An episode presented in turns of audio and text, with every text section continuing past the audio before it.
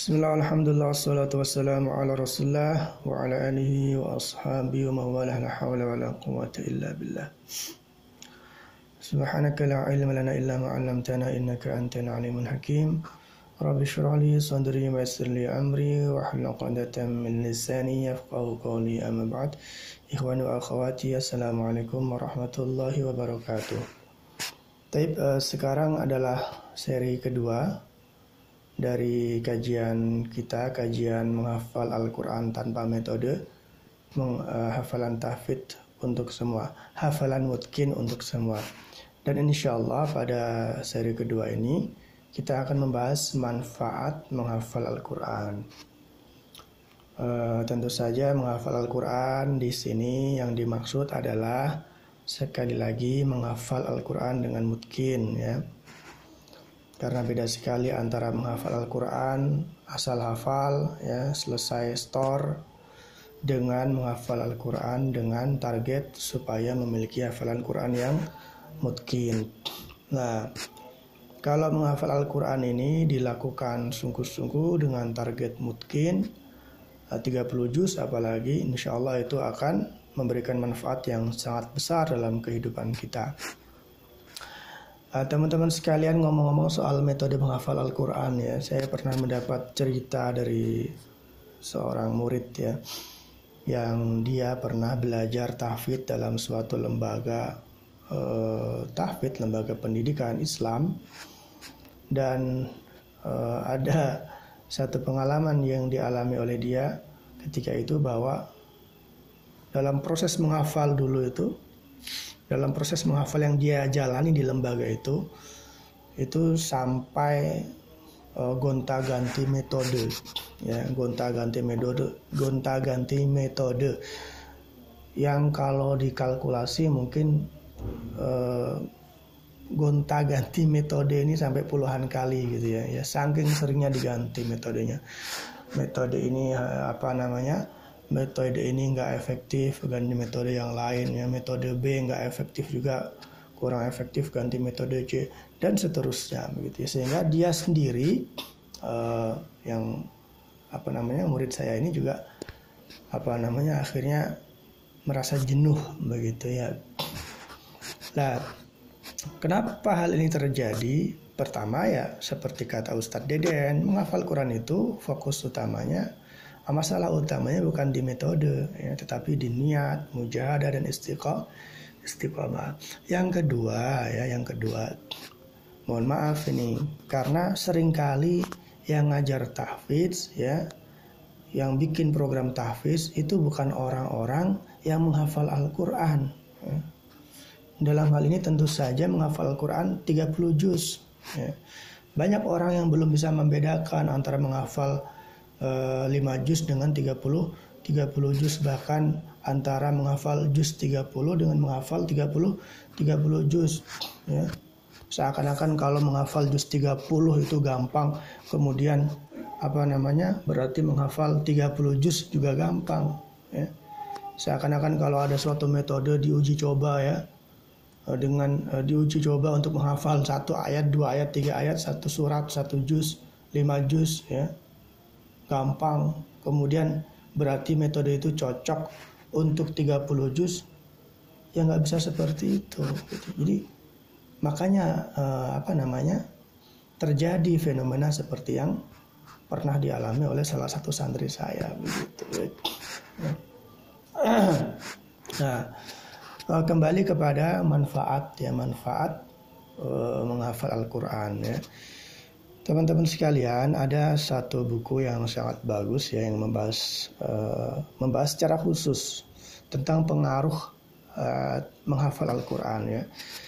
Judulnya Atharu halaqati tahfizil Qur'an al-Karim ala tahsil ad-dirasi wal qiyamil khuluqiyah.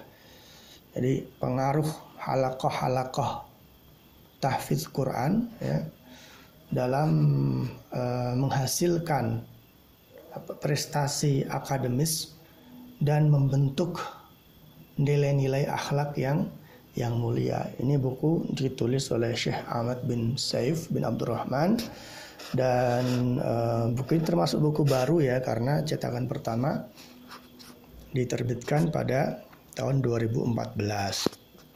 Lah pada halaman 32 sampai 39 eh, Syekh Ahmad ini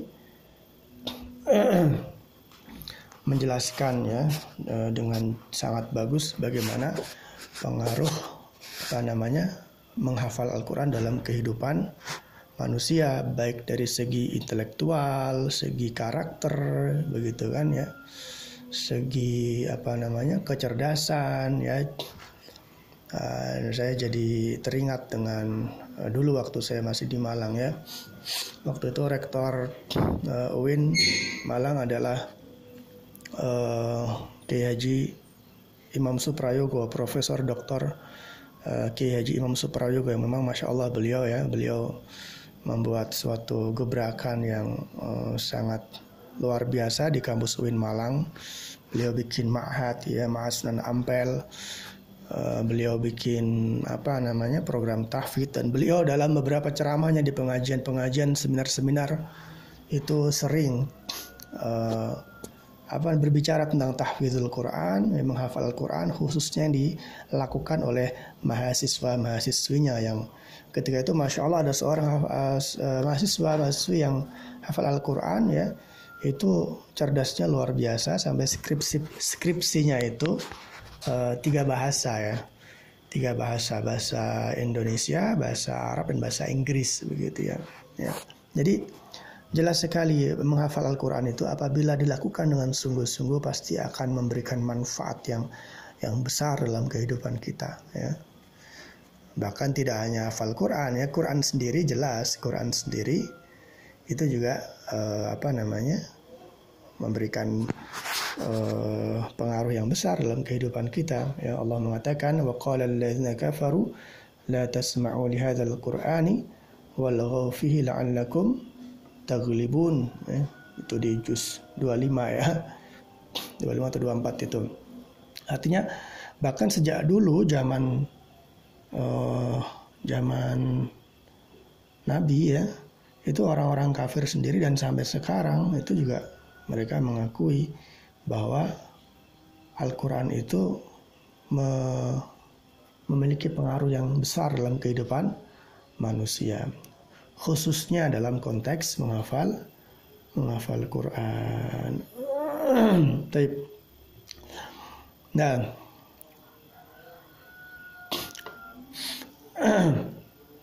nah ini mohon maaf saya ulang tadi ya. Jadi uh, ayat waqala alladzina kafaru la tasma'u li hadzal qur'ani walghaw fi la'allakum taglibun ini ada di surat Fussilat ya Surat Fusilat juz 24 ayat 20 26. Nah, kembali tentang manfaat menghafal Al-Qur'an ya. Uh, ada suatu penelitian yang sangat menarik ya yang di apa namanya ditulis atau dikaji oleh seorang ahli psikolog dari Amerika ya Dr. Angela Duckworth ya beliau ini nulis buku yang yang sangat bestseller ya judulnya Grit Grit ya Grit yang ini kemudian menjadi penemuan yang sangat diapresiasi ya dalam hal psikologi dan pembentukan karakter. Jadi di situ uh, dalam buku Grit ini ya itu dijelaskan bahwa salah satu hal yang sangat penting untuk dilakukan seseorang ya termasuk anak-anak kecil, anak-anak muda, itu adalah mereka membiasakan pekerjaan-pekerjaan yang berat. Ya. Pekerjaan-pekerjaan yang berat. Jadi apabila seseorang itu kok terbiasa melakukan tugas-tugas yang berat, itu akan sangat sangat bermanfaat sekali dalam membentuk karakter mereka ya. ya. Oh, khususnya tentu saja karakter orang yang uh, hard work ya. Jadi orang yang suka bekerja keras. Karena kan tidak ada orang sukses tanpa bekerja ker bekerja keras begitu. Artinya bekerja menjadi pribadi yang uh, suka bekerja keras ya, ya. Itu suatu hal yang sangat dibutuhkan ya apabila seseorang ingin sukses, apalagi di zaman seka, sekarang persaingan itu sangat uh, luar biasa sekali kan begitu. Nah, menghafal Al-Quran ya, menghafal Al-Quran dengan target mungkin tentu bukan hal yang mudah. Ini berat ini ya. Ini perjuangan. Ya. Apalagi dilakukan oleh teman-teman yang baru belajar mengaji Quran ya, tahsin ya, seperti di MN ini banyak teman-teman yang ketika datang di pondok itu masih harus belajar tahsin berbulan-bulan ya. Kemudian di apa namanya? digembleng untuk menghafal Al-Quran dengan target mungkin ya. Tentu itu perjuangan yang luar biasa.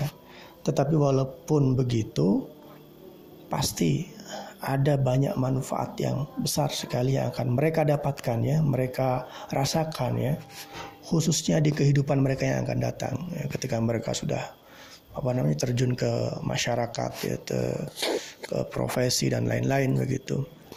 Karena karena dengan kegiatan tahfid itu mereka uh, secara tidak langsung ya tanpa menyadari mereka sebenarnya uh, coba membentuk karakter pekerja ker pekerja keras begitu.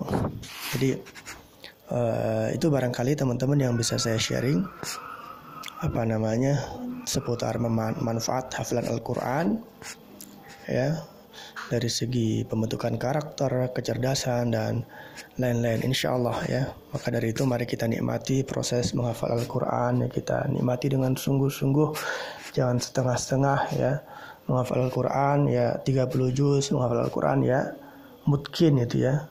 Karena dengan begitu insya Allah manfaat-manfaat menghafal Al-Quran yang sangat luar biasa itu bisa kita bisa kita rasakan. Aku qouli hadza wa astaghfirullah wassalamualaikum warahmatullahi wabarakatuh